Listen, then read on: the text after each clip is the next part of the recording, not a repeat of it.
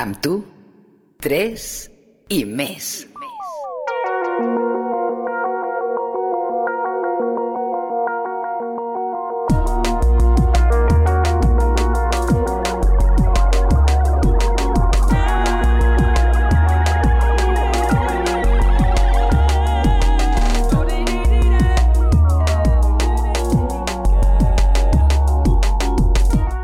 Jordi Villacampa, Eloi Ponce i Jane Maruska. Hola, què tal? Com esteu? Us donem la benvinguda justament ara, quan és la millor hora que heu decidit per estar amb la millor companyia. Nosaltres som tres i més. Eloi Ponce Cabrera, bona tarda, bon dia, bon migdia, el que sigui. Com estàs? Doncs molt bé, Jordi Villacampa Vinyes, aquí a l'estudi d'Instantropia, al Centre Històric de Lleida, des d'on gravem el nostre programa. I com sempre, acompanyats de la Gent Marusca. Com estàs? Bones, Eloi, bones, Jordi. Hola. Una cosa, no ens hem d'oblidar que la nostra audiència és de tot arreu. Per què? Pues perquè ens segueixen també a les xarxes. Llavors, els que ens podeu, en, ens podeu seguir a les xarxes, al nostre compte de Gmail, 3 i més videopodcast.gmail.com, i a les xarxes, eh, el nom sobretot hem de tenir en compte que el nostre nom és amb número, vale? llavors és 3 i més amb número, amb el número 3, i ens podeu trobar a Facebook, Twitter i Instagram. Molt bé, Important això del 3, eh? exacte. Important. Sobretot molt important, el 3, eh, la E de 3 és el, el número 3. Saps que si no dius no existeixen, no els trobem. Exacte. Així, bueno, esperem tots els vostres missatges. Eh, qui ens acompanya avui, Jordi? Doncs avui tenim des de casa seva, a Lleida, i, bueno, casa seva no ho sé, eh, perquè m'ha semblat veure abans que en una, molt envoltada de fusta. Crec que és un altre tipus de casa, ara ens ho explicarà. La Montse Freixanet, que ella és blogger a arroba hola somos 7, des d'on comparteix tips de detox digital per prevenir l'addicció al mòbil i altres dispositius. A més a més, també és coach PN. Coach PN, eh? Hola, Montse, com estàs? Hola, Jordi. Bon dia, molt bé. Ho he dit bé, això del coach PN? El, el coach PNL és una tècnica bastant potent per ajudar a, a tallar la dependència als dispositius i altres, i altres coses. I, i bé, com, estic, com bé has, has dit, estic en una altra casa, estic a la casa de fusta, la qual tu també coneixes una mica, eh? Aquí els, som companys de coworking i al centre antic. I bueno, bé, ja ho has dit, ajuda a famílies hiperdigitalitzades a previndre l'addicció al mòbil i també a tallar la dependència als dispositius. I com a blogger doncs, comparteixo plans alternatius a les pantalles. I això és Ahora Somos 7. Perfecte, doncs ara passem al barri de Pardinyes de Lleida, també Lleida Ciutat, on tenim el David Enríquez Cid, que es defineix com a home de mil oficis i actualment també és referent tutelar en una entitat de Lleida acompanyant a persones. David, benvingut. Bon dia i bona tarda o bona nit a tothom. Totes hores. Això mateix. Aquí estem. Sí, mira, és, és aquesta una de les meves tasques, no? També sóc terapeuta gestal, o sigui que també acompanyo a persones adultes en, en aquest camí tan bonic que és la vida. I eh, aquí estem. I, en, i eh, en el, tenia, perdoneu, m'he fet un d'això. Parlàvem de la llibertat avui, no? Sí, claro, però tu ets lliure d'expressar-te com vulguis. Això. eh? Ah. és que vinc d'una reunió una mica espessa. Eh, la llibertat existeix per mi, absolutament. Per això ara, ara en parlarem, ara en parlarem. De moment ara us estem presentant, Ah. però ja no, no passa res. Vull dir, ara Perfecte. come, comencem com, coneguent qui ens acompanya avui, no? perquè a l'estudi tenim, tenim més gent, no? Exacte, sí, aquí a l'estudi amb nosaltres tenim vingut d'Andorra, però resident a Barcelona, a l'Adrià Álvarez Blasco, professor de filosofia. Com estàs? Hola, molt bé, gràcies per convidar-me. Um, Alguna coseta més? Ja, ja està. no, va. no, tot perfecte. Ja, Ja, el meu dret a la llibertat a, a quedar-me callat, mira. Molt bé. I també tenim amb nosaltres a l'Albert Panavera Zueras, advocat. Com estàs? Molt bé, molt bon dia, molt encantat d'estar aquí amb tots vosaltres. Clar, és que són aquests oficis que advocat, ja està, no cal dir res Sí, més. que- ja està, sí. advocat. La paraula ho Ja ho diu tot. tot per si sol. Eh? No hem d'explicar res més. I si us hi fixeu, a fora de l'estudi, d'aquí d'Instantropia, tenim a la Rose Laveda, ella és pintora i està ara mateix preparant alguna coseta que la veurem en acabar el programa, que coneixerem quina és la seva obra. Ella és, de fet, veïna, just davant d'aquí de l'estudi. Doncs fetes les presentacions, què us sembla si comencem la tertúlia? Doncs sí, Sí? I de què parlarem avui? doncs avui parlarem de la llibertat existeix o només és un miratge? Tres i més. Doncs comencem la tertúlia fent-nos precisament aquesta pregunta, si la llibertat existeix o només és un miratge. I comencem amb la Montse, que la tenim al coworking creatiu al carrer Cavallers de Lleida. Montse, què? Com ho veus, això? Hola Jordi, què tal? Bueno, mira, porto una setmana donant-li toms al tema i penso que la llibertat existeix, però els primers anys de vida, la nostra infantesa, crec que se'ns, eh, de manera inconscient, involuntària, amb tot l'amor, eh, se'ns eh, talla aquesta llibertat. I mm, per què ho veig així? Doncs perquè a vegades bi- biològicament i fisiològicament tenim unes necessitats i aquestes a vegades no són ateses. Eh, ens demanem les coses plorant eh, i molts cops doncs, no som atesos. Mm, I bueno, aquesta és la meva aportació ja després, si vols, segueixo explicant-te eh, com ho veig. Molt interessant relacionar-ho amb la infantesa, sí, sí. I passem del centre històric al barri de Pardinyers, on tenim el David Enriquez. David. Vale. Ara sí, Ah, ara, ara sí que és el moment de... Ara, ara. Sí. de... Veig que tenies moltes ganes de compartir-ho, estem molt agraïts, però ara... A vegades el, és el que porta el directe. Sí, exacte. Eh, sí, escolta'm, doncs sí, el que us comentava, la llibertat existeix? Sí, absolutament sí. Som persones, som homes i dones lliures, lliures d'actuar, lliures de pensar i lliures de fer. O sigui que hi ha coses que potser ens poden Ui, sembla que, que Perdut l'hem la perdut una miqueta. Tenim a la, a, al barri de Pardinyers amb... Sí, hem perdut una mica... De fer com un... David, estàs aquí? Sí, perdoneu, eh? Potser ha fallat la connexió. El que es deia és que, és que sí, que som persones lliures, que, que ens hem d'apoderar d'aquesta llibertat, ens hem de creure que som persones lliures, no? I, eh, i hem de tirar, poder, ser capaços, no? Si és que procurar-ho, eh, apoderar-nos d'aquesta llibertat de pensament i, i d'acció. Molt bé, i seguim ara amb la perspectiva dels convidats al nostre estudi. Uh, Adrià, Sí.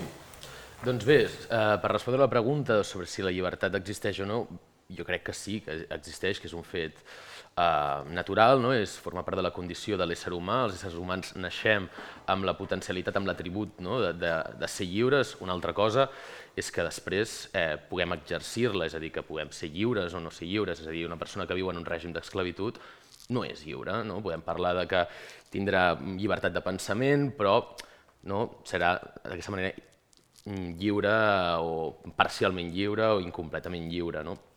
Eh, I des d'aquí no, a reprendre una mica eh, o posar sobre la taula la idea de que existeixen molts tipus de llibertat, o es pot pensar la llibertat des, des de moltes perspectives, no? no és el mateix la llibertat en termes de decisió que en termes de voluntat, com tampoc és el mateix la llibertat en termes d'acció moral o la llibertat en termes de realització personal. No? Vull dir que és, al llarg de la filosofia el- la qüestió de la llibertat ha estat un tema eh, molt important, no? que ha fet vessar rius de tinta i que té una complexitat Força àmplia. molt gran. Sí. exacte, i Albert, si, si ens vols dir la... Bé, la per, per, per respondre a la pregunta que es plantegeu, mm, jo l'enfocaria des d'un punt de vista que us respondria que la llibertat en termes absoluts no és que no existeixi, és que no és possible la seva realització.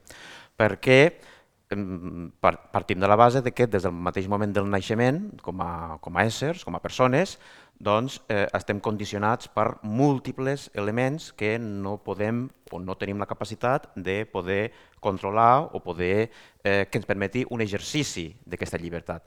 Llavors, el, el, el, la llibertat l'hauríem de plantejar o la plantejaria des d'un punt de vista de la possibilitat d'aquest exercici, una llibertat o, una múltiple, o múltiples factors d'aquesta llibertat amb una determinada fi, finalitat i que hi hagi les garanties, que només poden ser garanties en termes jurídics o polítics, polítics en el sentit de que hi hagi una organització que permeti a les persones l'exercici d'aquesta llibertat, i per tant ho, sintetit, ho podria sintetitzar amb una màxima de, de, de que en aquest sentit eh, crec que uniria el, els dos elements que, que, que he plantejat, que és que no neixem lliures, però ens podem fer lliures. Eh? És a dir, l'exercici, no, no neixem lliures per aquests condicionants que tenim, però sí que po ens podem fer lliures.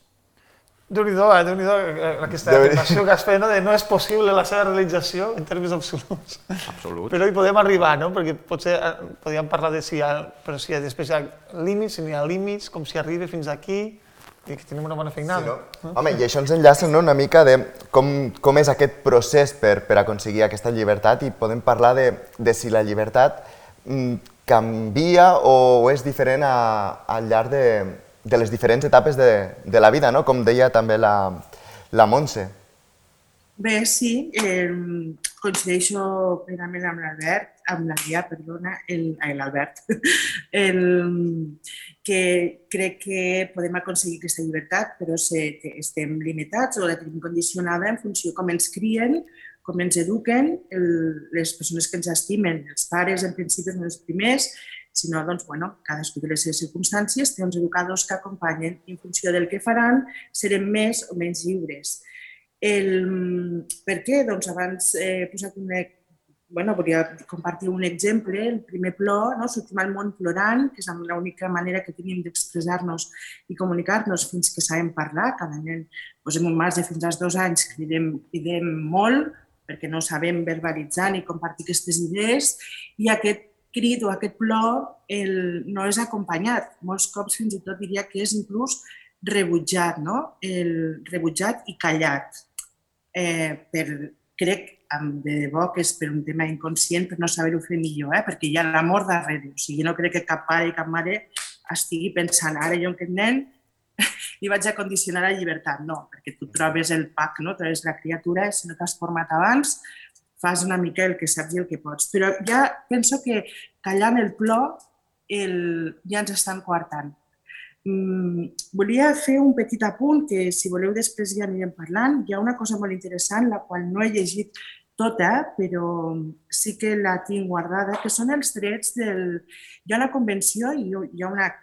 ja existeixen els drets de la infància eh, com a tal. No? Dius, bueno, potser a la clínica te n'hauries d'anar amb, el, amb tot el kit i aquest dret de l'infant, no? del que tindràs. I un punt molt important és el dret d'expressió, exp- el dret de l'expressió, no? I, ostres, a mi em sembla com uau, una mica heavy perquè el que estàs... Eh, no sé si tothom s'ho planteja, el poder pensar que aquest infant l'hem d'escoltar, eh, l'hem de deixar lliure, que ell, hem de deixar aquest espai perquè comparteixi el que sent, el que pensa i anar-lo acompanyant com la persona que ha vingut a ser. Ha vingut a ser lliure i el nostre acompanyament és clau. bueno, potser m'he enrotllat molt, però, No, se'n Però bueno. aquí unes cares a l'estudi de pensar, de eh? veure la infant... No sé què penseu Ah, eh, no, de no. tot això. Jo ho he vist molt amb els meus fills Sí, sí, sí. I és un tema, ja que existeix evidència científica, eh, existeix la part més de, de drets i ho he vist també en pròpia pell a fills meus que més grans, tinc variat, eh, que els, la primera educació va ser com més de no, no, no, no, no, i aquests nens el, doncs, a vegades tenen por a expressar-se, perquè sempre estan eh, pensant que algú els ha de... Mm, els dirà que no, se creïn seguretats... Eh, bueno, ho deixo caure, a veure Vale. que... que, que Ens estan obrint diferents línies aquí, no? porta. Sí, són diferents vies, però que potser estan una mica connectades, no? Perquè ara amb la, amb la llibertat d'expressió, eh, jo ho he connectat una mica amb el que deia abans l'Adrià del, de la llibertat de pensament, no? que potser és la que tenim més al 100%, i mm, m'ha vingut com la idea de potser sí que la llibertat eh, de pensament és al 100%, però a l'hora d'expressar aquest pensament sí que ja està coartada. No? Podria ser una mica així, eh, Adrià? O, Albert? o Albert? Sí, jo crec que la, la, real, o sigui, la, la llibertat de pensament, cadascú és, és lliure no? de, de pensar uh, el que vulgui. Um, una altra cosa no? és si el fet de l'acte de llibertat, o suposant eh, que és un acte de llibertat expressar de manera oberta eh, les teves opinions, sabent que les teves opinions o els teus punts de vista, la teva manera d'entendre el món afecten, ataquen o fan mal a una altra persona, no? aquí entrem en el clàssic, eh, bueno, una confrontació clàssica, no? eh, tant jurídica com filosòfica, que és on comença la meva, la meva llibertat i on acaba la Eh, crec que en aquest sentit no tothom hauria de ser lliure de poder expressar el que volgués. Per mi, per exemple, i això sona, sona molt fort, sona molt, molt, no? pot, pot arribar a, a sonar com molt, molt dràstic, no? però hi ha una sèrie d'expressions de, de, o comentaris o accions que, eh, que danyen, no? que fan mal, que, que, que um, embruten la nostra convivència, no? el fet social, aquest pacte no? social que, en el qual vivim nosaltres i que doncs, forma part també de, de, de la funció de l'Estat i la funció de les persones no? i de la moralitat, en última instància, d'autoregular-nos això, i en això enllaça perfectament, per exemple, amb la idea de, dels nens petits no? que, que apuntava la Montse. Jo crec que un nen petit, molt, molt petit, mm, no se li ha tallat l'expressió del plor, però sí que en el camí de l'aprenentatge de l'infant autorregular la seva voluntat i les seves accions també forma part d'un acte de llibertat, no? perquè fer el que vulgui, doncs, potser no és la, per mi no és una, una llibertat ben entesa. No? Per mi una llibertat ben entesa és l'acció passada pel filtre de la raó no? I, i actuar lliurement acord amb el mandat de la raó. No? No sé què en pensa la resta de gent. Sí, en aquest punt jo crec que estaria una mica la, la clau amb el tema de, mm. de dintre d'aquest ventall de, de què és l'exercici de la llibertat, aquesta llibertat que l'exercim per una determinada finalitat, aquesta finalitat que no deixa de ser en termes d'elecció, i en termes d'elecció tota elecció suposa una renúncia, doncs aquesta elecció, o aquest, inclús com ha dit el David, aquest, aquesta necessitat d'empoderament per tal de l'exercici d'aquesta llibertat, ha d'anar unitat de l'ús de la raó. És la raó, una mica també era una mica les, les tesis, eh, que jo sé que això que són les tesis que plantejava Espinosa, que venia a dir, de dir, eh, és a través de l'exercici de, de la raó el que ens permetrà, eh, o l'ús de la raó, perdó, és el que ens permetrà l'exercici de, de la llibertat, amb quina finalitat? Amb la finalitat de poder elegir la millor opció per a la persona, enfront també als altres, i, sobretot, és aquest ús de la raó per conèixer els fenòmens que interaccionen i que limiten la nostra llibertat. Eh? Tots els fenòmens que poden ser eh, de la pròpia físics, ambientals, socials, tots els condicionants, doncs, a través de l'ús de la raó ens permet elegir i, per tant, eh, superar aquests obstacles i doncs, mm, arribar als nostres objectius. Una mica seria, jo amb aquest, amb aquest punt coincideixo. Eh? Seríem que seríem l'ús de la raó, eh? per, per poder elegir com exercim aquesta llibertat per a aconseguir la finalitat que a través d'ella volem, volem, volem dur a terme. Sí, la Montse. No, jo també compartim amb vosaltres el que dieu. Eh? El que després aquí ja venim amb la, la raó eh, eh, jo penso que molts cops ve com condicionada per l'adult. Després ja no. Dic una etapa de creixement. El, aquesta raó te van marcant uns camins, en principi vas per poder ajudar aquest infant, aquesta criatura, aquest ser lliure, en potència, el, a vegades me qüestiono, no? I que és aquest el debat, 100% lliure potser no és, perquè té uns adults que acompanyem que, vulguem o no, estem posant la raó, la nostra raó a, a ells i amb tot l'amor sempre, però per, camí, també per marcar uns límits i un camí.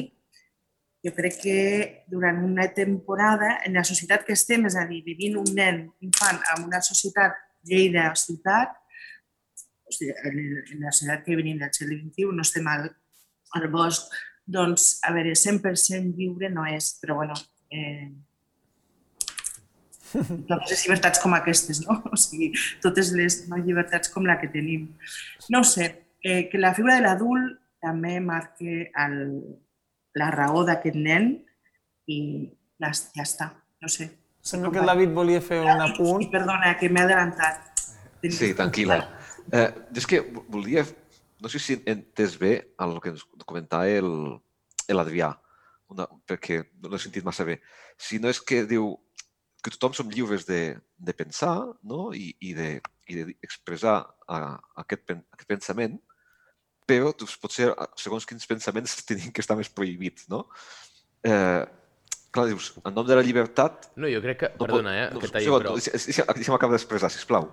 Eh, dius, en nom de la llibertat prohibim segons quines coses, no? Que jo puc entendre que dius, en nom de la llibertat, prohibim la pena de mort, no? Perquè, perquè estem matant una persona, no? Dius, estem privant de la seva llibertat de viure. Do, però és, moltes vegades, no?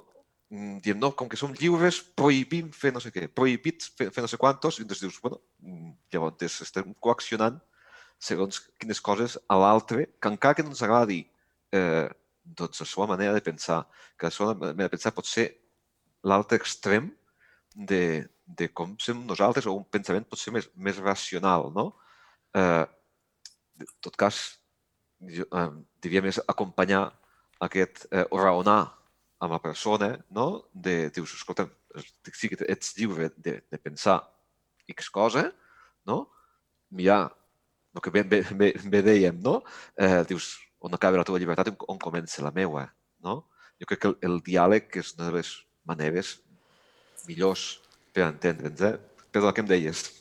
No res, volia matitzar perquè crec que potser no s'ha entès o potser no m'he expressat jo bé. Eh? Jo, a mi m'ha semblat que, que el que està intentant explicar era que llibertat d'avançament, evidentment, cadascú... En aquest sentit seria més aviat la capacitat de, de jutjar i enraonar, que forma part dels atributs de l'enteniment, cadascú doncs, tiltra les seves i això és perfecte i a mi això no m'hi posaré i ningú s'hi hauria de posar. No? Una altra cosa és com jo eh, trasllado aquest enteniment en, en, en el meu entorn, és a dir, jo si, mm, no sé, he decidit per al que sigui, no? que doncs, no sé, doncs, he trobat convenient eh, pensar que el feixisme, no? etc etc i, i, i formar part d'un moviment feixista, però, vull dir, la llibertat d'avançament, doncs, bueno, si ets un feixista, doncs perfecte, jo què sé, doncs quina pena, no? però el que jo estic qüestionant és la llibertat després de dur a terme, no? d'executar eh, el teu entorn, de, dur a, de materialitzar aquest pensament en accions, que crec que és aquí on s'hauria de problematitzar la idea de llibertat. No sé si s'ha entès. Pensar, pensar en el que vulguem. Una altra cosa és que, que, que, no, que puguem traduir això en actes i que traduir-ho mm, sigui positiu. Al contrari, bueno, jo crec que no, no ho és. Sí. Aquí m'has... Bueno, mm. Ara vingut les ganes de parlar, no sé. No, Digues, digues, Albert. Volia dir que la idea, la idea de llibertat, perquè sigui efectiva, és posar-la en pràctica. I clar, posar-la en pràctica implica, implica que hi hagi una idea de lluita, no una lluita física, eh, sinó una lluita d'idees o una, i per tant una lluita en termes, en termes dialèctics. Eh, on estarien els límits?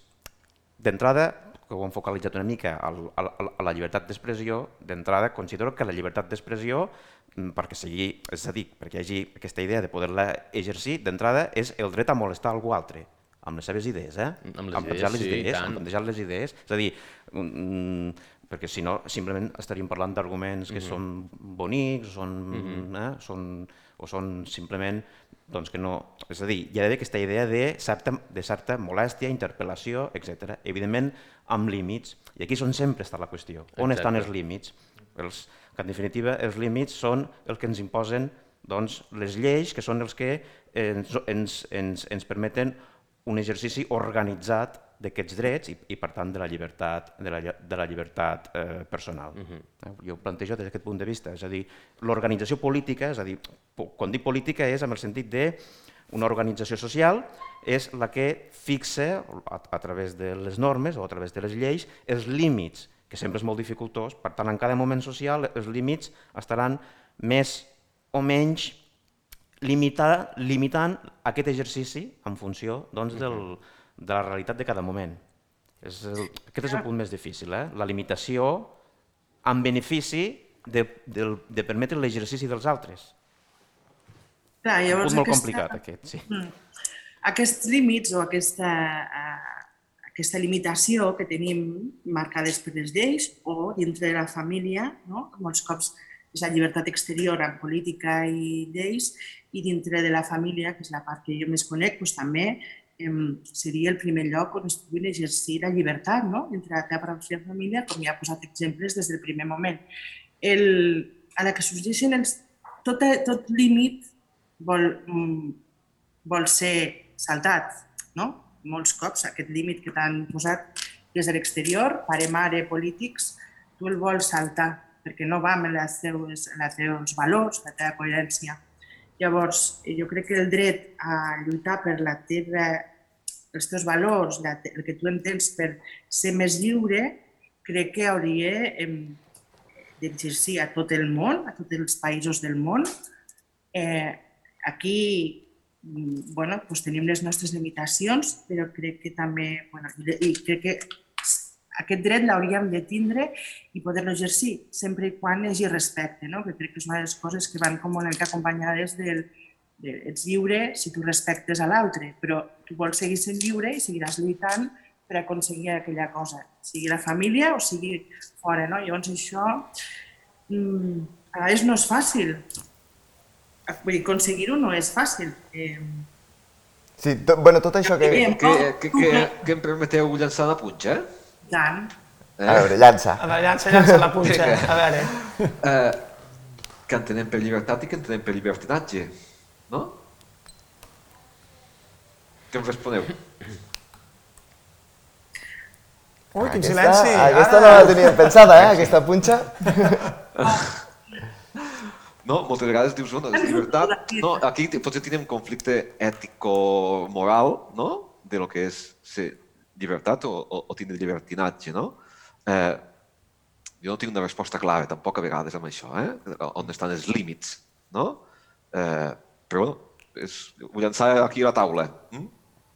Bueno, jo, si voleu, us dic la definició de llibertinatge. Exacte. El, el, el, el lema, segons el diccionari de l'enciclopèdia catalana, és el capteniment llicenciós dissolut.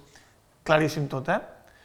El capteniment llicenciós dissolut. I per llibertat, eh, ja per, per anar definint els termes, eh, tenim moltes, no? És la manca de subjecció i subordinació. També pot ser l'estat o la condició del qui no és esclau, o la... Eh, bueno, llavors hi ha tots els tipus de llibertats, no? Com un, un apunt. Sí.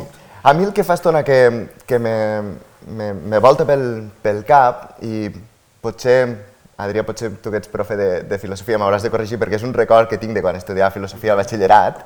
Em, tot el de on acaba la, la llibertat i comença la de l'altre, això em, em recorda bastant a la, a la paradoxa de la tolerància del filòsof Popper. Popper, de que potser eh, que, bueno, que diu que la tolerància, per poder sobreviure, ha de ser intolerant, precisament. Jo anava una mica cap allà, precisament, sí.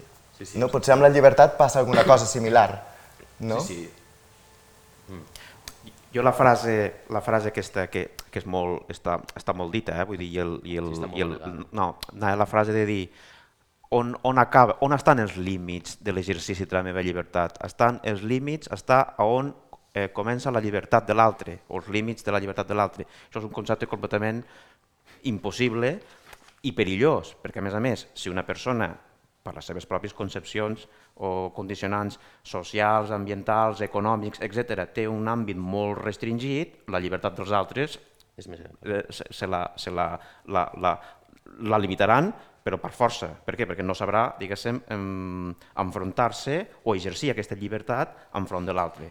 Llavors, on tornen a parar? Tornen a parar de que hi ha d'haver una organització eh, que doti o que permeti l'exercici i l'exercici dintre d'aquests límits per tal que totes les persones puguin estar empoderades per a l'exercici d'aquesta llibertat. Per tant, aquestes frases que són, són, molt, són, molt, diguéssim, són molt boniques, eh? de dir, o són perfectes, o des d'un punt de vista gramatical són molt boniques. De dir, sí, sí, la meva llibertat acaba on comença la llibertat dels altres, però cal anar molt en compte perquè tots aquests condicionants poden permetre de que aquesta llibertat anuli completament la de l'altre perquè no sàpigui o no tingui eines o suficients recursos per poder exercir el seu espai de llibertat, o el seu dret a la llibertat. Estem arribant als últims minuts de la tertúlia, sí que però no podríem acabar-la abans sense parlar, bueno, hem, anat obrint no, diferents línies, veiem que el tema és molt ampli, no? estaríem hores i hores debatint sobre això, però sí que potser últimament, eh, dins d'aquesta paraula llibertat, podem observar que se n'ha abusat, potser seria una paraula molt gruixuda, no? però se- se- s'està utilitzant sovint. No? Sí, és fàcil d'utilitzar, no? És fàcil d'utilitzar, no? i segons com et convé, s'utilitza d'una manera o d'una altra. Mhm. no? Podem parlar d'una persona, vull ser lliure de no vacunar-me, però vull ser lliure de no entrar a la, a la presó, no? llibertat presos polítics, Madrid ciutat de la llibertat, eh, llibertat pels que no es volen vacunar, llavors som lliures d'una manera però per l'altra no, eh, partits d'ideologies extremistes no? que també manifesten la seva llibertat d'expressar-se, però com hem vist potser després poden incomodar, incomodar amb uns altres. No creieu que hi ha com un abús ara mateix d'aquesta paraula i que segons ens convé s'utilitza cap a un sentit o cap, cap a un altre? Sí. Totalment, Malauradament, sí, sí. malauradament, potser, a vegades hi ha paraules que es, que es poden, enteneu-me, prostituir una mica, no? I llavors, eh, o dir que potser per la llibertat, no? Per la meu, de, l'individu o la llibertat d'expressió d'alguna cosa, m'aixaquis a un altre, no? Altres això no és llibertat perquè no fas ser lliure a tothom, no? Llavors, jo puc ser plenament lliure, no? Tu pots ser plenament lliure i hem de caminar ha d'haver també la paraula tolerància, no? Uns, els altres hem de ser to to- tolerants de la llibertat de l'altre, no? I això és un, és un camí que hem de recórrer i hem d'aprendre a tolerar moltes coses, no? que a a mi em poden molestar dintre de la meva llibertat X cosa, no? Doncs, però he de passar al següent pas, que és la tolerar la llibertat d'en ell i que a mi no em faci mal. Algú més vol fer algun... L'Adrià? Sí, jo una mica en relació al, al que s'està dient aquí, m'agrada molt la, la, la interpretació, la manera que té Judith Butler, una filòsofa nord-americana, de plantejar la noció de la llibertat, i és que ella diu alguna cosa així com que eh, el fet de ser eh, éssers socials, és a dir, que les nostres experiències materials, simbòliques, humanes, no estan mediades o es produeixen en un entorn social, ella deia una cosa així com que la llibertat o que ella no es pensarà lliure o que, o que no acabarà d'integrar la, el, no, la llibertat o la noció de llibertat personalment fins que els seus veïns, no, i parlava de, de la noció de proximitat, siguin lliures. És a dir, no, que, la, que en una visió comunitària, no, que és la, en aquest llibre precisament, que és el llibre és, és eh, de la Judit Baldrà, es diu Lucha comunitària i vida política, o una cosa així, on, on ella parla precisament d'això, no? de la importància doncs, no? d'alguns moviments com el feminista o el moviment antiracista, no? són moviments que són, eh, es proclamen, no? eh, o són clams cap a la llibertat no? Eh, de les persones i que no podrem no, considerar-nos lliures del tot, eh, ni individualment ni socialment, fins que no garantim no, que les condicions de possibilitat de la nostra llibertat siguin extensives també a les persones amb les que convivim i, i, i formem part de, de la mateixa societat, de la mateixa comunitat. Per tant, aquí crec que, no, doncs, que la llibertat no, no, no pot no entendre's no, des d'una al marge d'una visió comunitària. A mi aquestes coses de la llibertat en termes eh, individuals a mi em remunten no, a, als mites del bon salvatge, al Robinson Crusoe, no, una idea doncs, molt il·lustrada, molt del segle XVII i XVIII, no, eh, que crec que, que són romantitzacions quasi adolescents, no, aquesta cosa de voler ser lliure en la muntanya i deixar la societat i marxar sol, Bueno, No es- no es poden implantar, aquest tipus. No, No, no, no no són- són, són fantasies molt interessants no? i que, que romantitzen no? la idea de, de, la, de la lliure acció no? i confonen no? acció amb, amb llibertat en Sí, termes materials. perquè hem de partir de la base, o, o, o parteixo de la base que l'exercici de la llibertat ha de ser de forma col·lectiva, Exacte. perquè des d'un punt de vista de forma aïllada eh, doncs no, no, no, no suposa l'exercici de la llibertat, simplement suposa el no, simplement és que no estàs eh, amb, amb interrelació social i per tant no, és que no, no, no pots, no, no tens ni capacitat de poder exercir aquesta llibertat perquè no hi ha, tens cap objectiu. Exacte. Simplement la teva pròpia felicitat aïllada del món. Per tant, no és...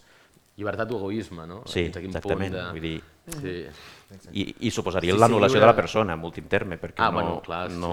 sí, sí, en la mesura en la que, com deia Aristòtil, som éssers socials, viure al marge de la societat en què ens converteix no? en bèsties. sí. Sí, sí. David, no sé si volies fer un apunt per anar acabant. No et sentim, no et sentim, David? Eh, Estàs mutejat, David. Vinga, a veure, no, seguint el que estan dient, els companys, no? Dius, clar, doncs ja des de Kant o Aristòtil no? tenen tractat sobre, sobre el que és la, la, la, la llibertat. No? Només com a, com a un últim apunt final, no?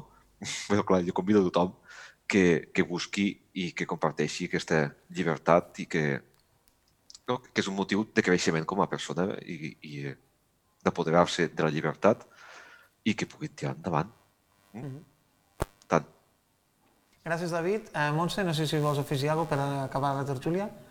Sí, mira, que, el, que no sé, jo crec que com a societat i com a la com a famílies, com a societat en general, el que sí que necessitem és persones lliures, eh, 100%, eh, prendre molta consciència des de molt petitets, eh, ja n'hem parlat abans, jo crec que falten persones en, per poder ser lliures, crec que falten persones empàtiques, solidàries, eh, que tinguin el concepte de l'amistat eh, i el, que, que tinguin oportunitats per treballar al respecte, no? perquè crec que és bastant important per a que després no trepitgem les llibertats dels altres. I, bueno, i també eh, com a societat cal gent valenta que defensi les seves llibertats, o sigui, eh, perdre la por eh? I, la, i la seguretat, que també comença en que no et callin quan ets petit. O sigui, el silenci que parlàvem al principi, et, si et deixen parlar, et fa una persona segura, eh, amb una autoestima alta, per tant, capaç de liderar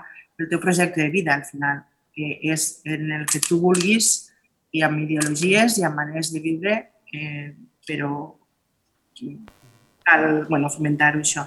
Vale. I ja està.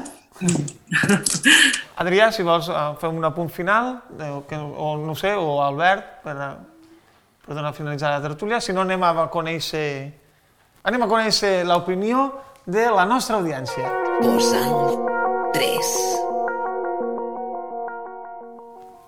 Doncs anem a veure què opina la nostra audiència a les xarxes. I tenim a Instagram, eh, tenim a, al, a l'usuari Bert Michi, que ens ha contestat a la pregunta de si la llibertat existeix o només és un miratge. Ella ens ha dit, la llibertat pura no existeix. No sé què n'opineu vosaltres, bueno, ja hem sentit les opinions. vale. I a Instagram tenim a Carmina Pardo, que ens ha dit que la, llibre, la llibertat és una pretensió i la Maria Cabell ens comenta que per ella la llibertat és un anel, allò de l'utòpia que ens permet avançar cap a l'horitzó. La llibertat sempre serà un camí pel creixement personal, també. Sí, això sí. Però jo trobo que de, eh, de, del que hem parlat abans, així, he fet com una miqueta resum de la típica definició de llibertat, a veure què us sembla. És la nostra facultat o capacitat de les persones d'actuar segons els nostres valors, criteris, raó o voluntat, sense més limitacions que el respecte a la llibertat dels altres, que és el que deia abans el, el David i l'Albert. L'única limitació, penso, que és això, respectar la llibertat dels altres. 3 i més enllà. I al programa d'avui coneixem a la pintora Rose Laveda, la veïna artista que té l'estudi just aquí davant a l'espai on ens trobem, Instantropia. Què tal, Rose? Com Hola, estàs? molt bé, molt bé, molt contenta d'estar aquí.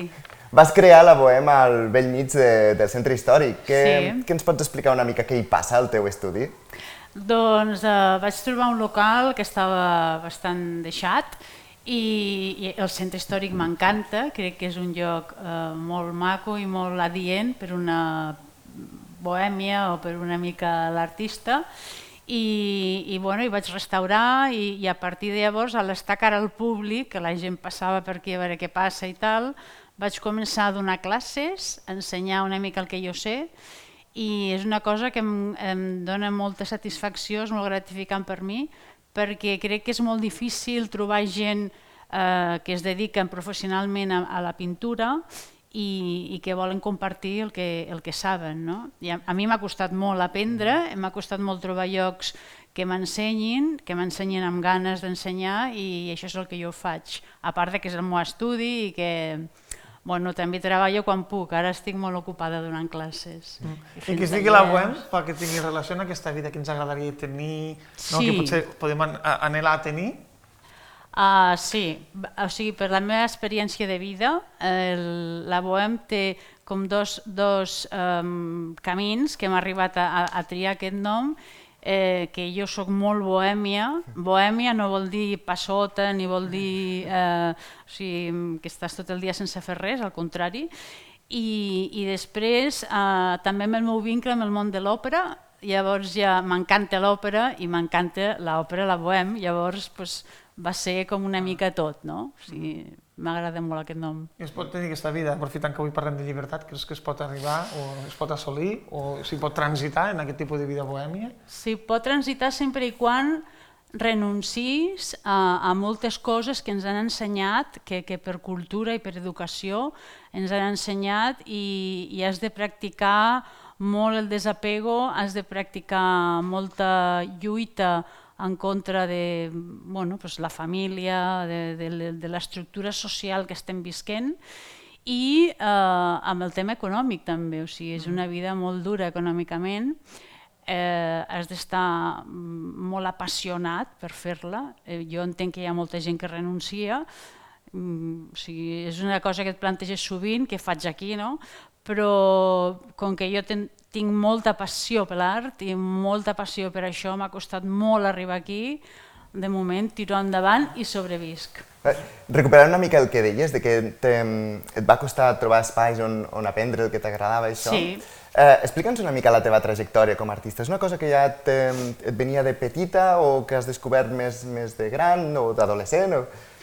Bueno, sempre m'ha agradat molt el tema creatiu i, i el tema de coses manuals. Uh -huh. uh, jo per la, per la família tradicional que he viscut no, no he anat mai a classes de, no vaig anar mai a classes de pintura, no vaig tenir aquesta oportunitat, i, però quan em vaig casar me'n vaig anar a viure a Barcelona, allà o sigui, el primer que vaig fer va ser buscar llocs per, per aprendre. O sigui, jo ja era gran en realitat, no? tenia 24 o 25 anys, però des de llavors fins ara ha estat un no parar de, de buscar i de trobar. Uh, bàsicament m'he format amb, amb tallers de pintors, pintors uh, que estan al món i que, i que realment viuen de la pintura i, i he tingut, no sé, jo crec que he tingut molta sort perquè he trobat mestres extraordinaris, gent que, que són pues, de, de mentalitat bohèmia i que, i que els apassiona i això jo crec que és una cosa que s'encomana. Mm. Sí, estic, amb això estic molt contenta.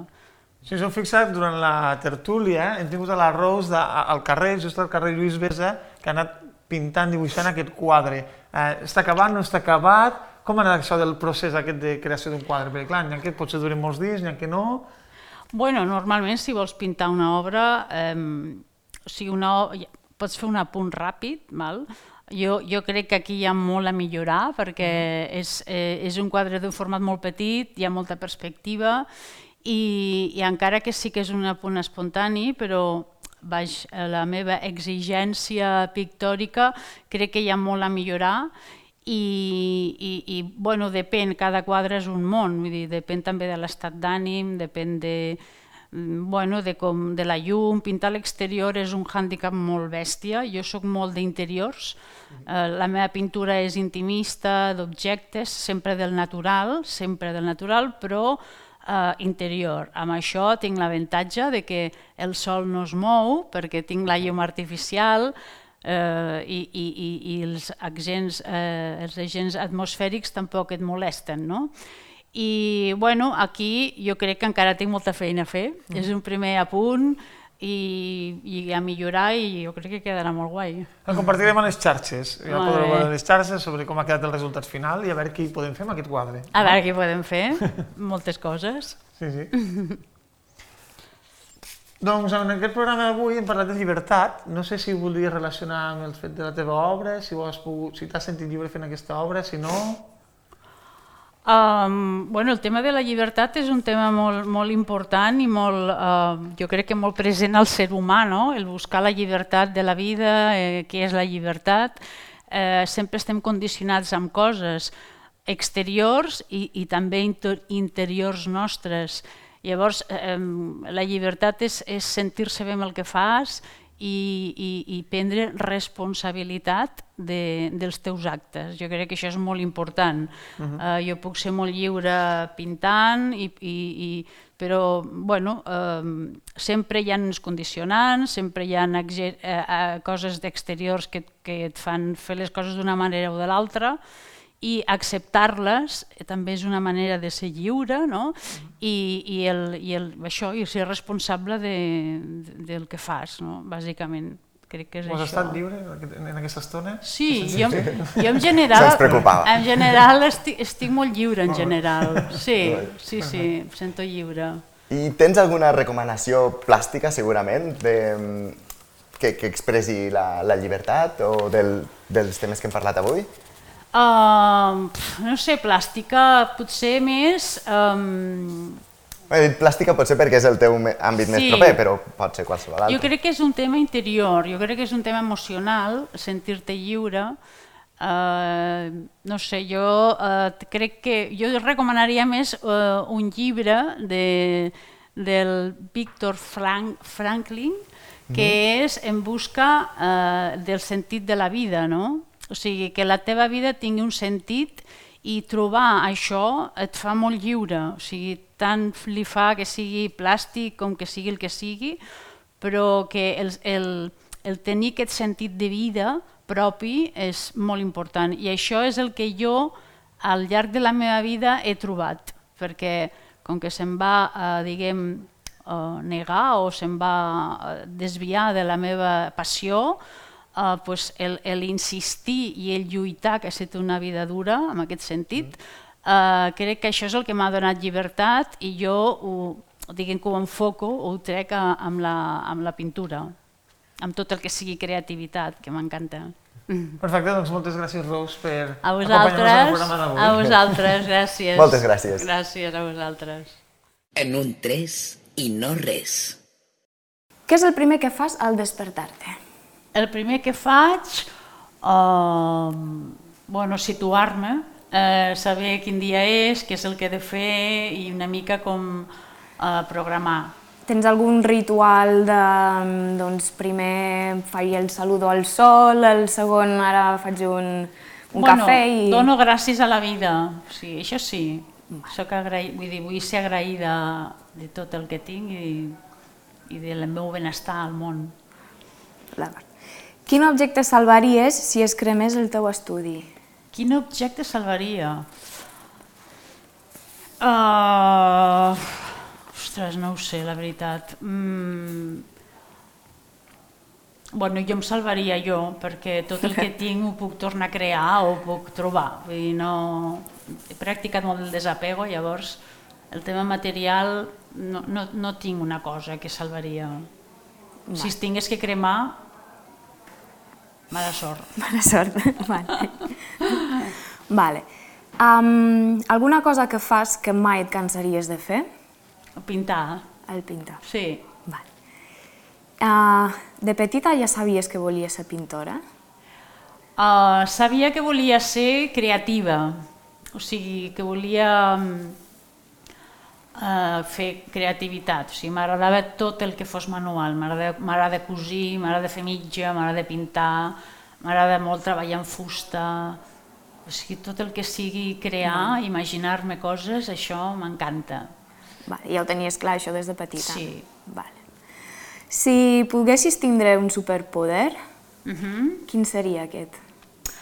Un superpoder uh, seria pues, uh, infundar, o sigui, que la gent fos bona, o sigui, la bondat, la bondat del Sí. món. Canviaries una miqueta. Sí, sí, sí. Si no fossis pintora, Mhm. a què et dedicaries? Si no fos pintora, uh, qualsevol cosa relacionada amb la creativitat, pues, arquitecte m'encantaria, decoradora, no sé, restauradora. Vale. En el cas que eh, poguessis ser immortal, Uh -huh. eh, i cap dels teus actes fossin castigats, quin seria el primer que tornaries a repetir? Si fos immortal i cap dels meus actes fos castigat, eh, tornaria a repetir pues, la lluita per, per la meva passió i el, i el tenir una vida pròpia, o sigui, viure amb, amb el que jo vull ser a la vida. Si poguessis sopar amb, un, amb qualsevol personatge de la història, amb qui triaries? Amb el Leonardo da Vinci. Leonardo da Vinci. si poguessis saber només una cosa del futur, què, què preguntaries? Uh, preguntaria eh, com, com estarien les meves filles, la seva vida, la seva felici, el grau de felicitat que poguessin tenir. Vale. Uh, què diries si fossis la primera persona en arribar a Mart? Mm. Què diria? pues, On està la gent? què és això? O sigui, la Mart mm, no és un tema que m'interessin molt, eh, els planetes. Vull dir, si tingués que anar-hi, pues, bueno, ja aniria, però m'enduria un cavallet per pintar. vale. Si haguessis de triar salvar la humanitat o la Terra, en qui salvaries? La humanitat o la Terra? Oh, puf, que, que difícil. Home, jo crec que la humanitat. Al 3. Doncs ja és moment d'obrir el, el nostre recull de recomanacions. Montse, has pensat alguna cosa?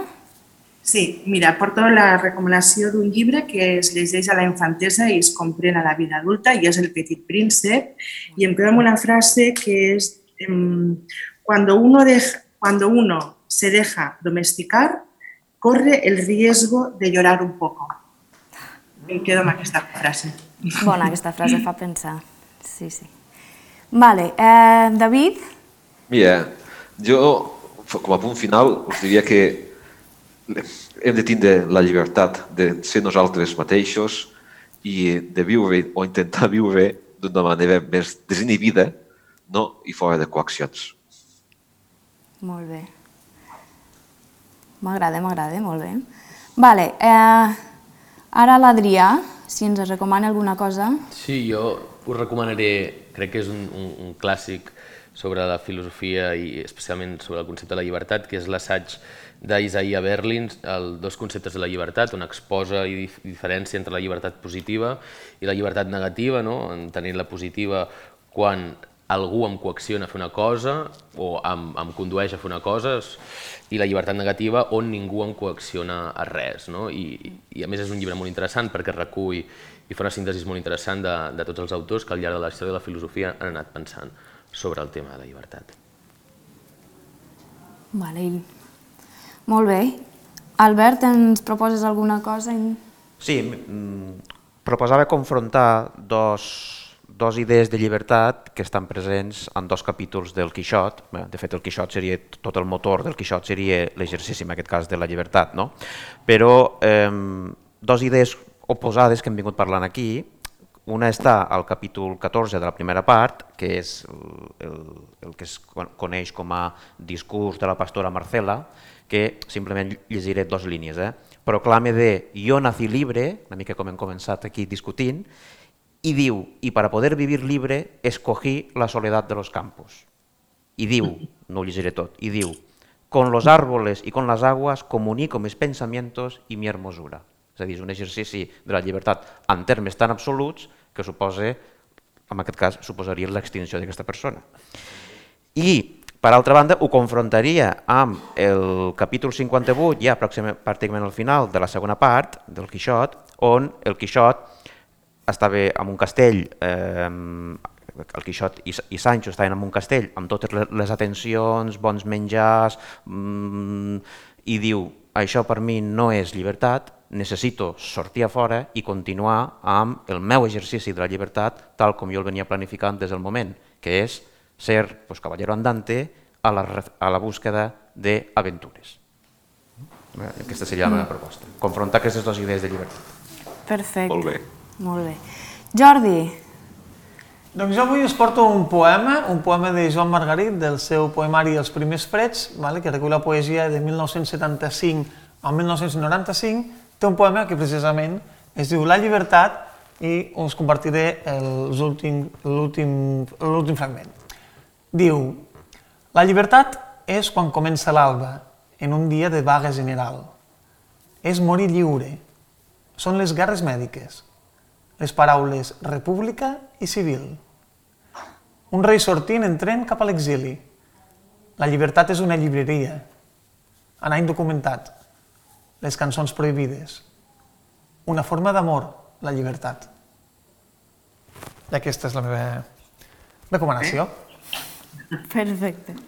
I l'Eloi ens recomana? Sí, jo avui es porto un, bueno, una proposta de visita al poble de, un poble d'aquí al costat, de Lleida, es diu Torrefarrera, i hi ha un mural de la Cristina de Juan que, que es va deixar precisament a mitges, potser per, pel que parlàvem abans de la llibertat en les diferents etapes de la vida i que sobretot a, a, la, a la infantesa és quan ens la, bueno, potser ens la marquen més, perquè va ser censurat per imatges massa explícites per als infants.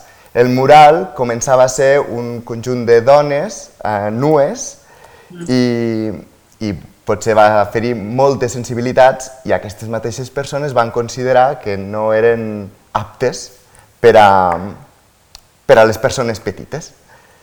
I aquesta és la meva recomanació. Doncs molt bé. I ara ens falta la teua, no, Jane? Sí, Jane, Ens, és veritat. tens alguna recomanació o no? Sí, Ah, d'últim moment, però molt encertada, espero. Um, us volia llegir un fragment de- d'una frase mm, que ha fet un, el defensor dels drets humans i Premi Nobel, que es diu Liu Xiaobo, i eh, deia així, la llibertat d'expressió és la base dels drets humans, l'arrel de la naturalesa humana i la mare de la veritat.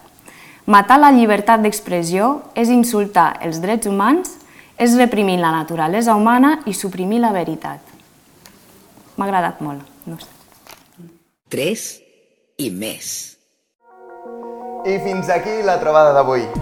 moltíssimes gràcies als nostres col·laboradors del dia, Adrià Álvarez, Montse Freixanet, Albert Panavera i David Enríquez. També moltes gràcies a l'equip humà i tècnic que fa possible el nostre programa. I per últim, gràcies a tothom, gràcies nois per aguantar-nos, per aguantar-me. I no oblideu, si plau, sí, no oblideu, si plau, a les xarxes ens podeu seguir, vigileu, recordeu que el nostre eh, nom és 3 i més, però amb el número 3. Doncs així que ens escoltem ben aviat d'aquí a 15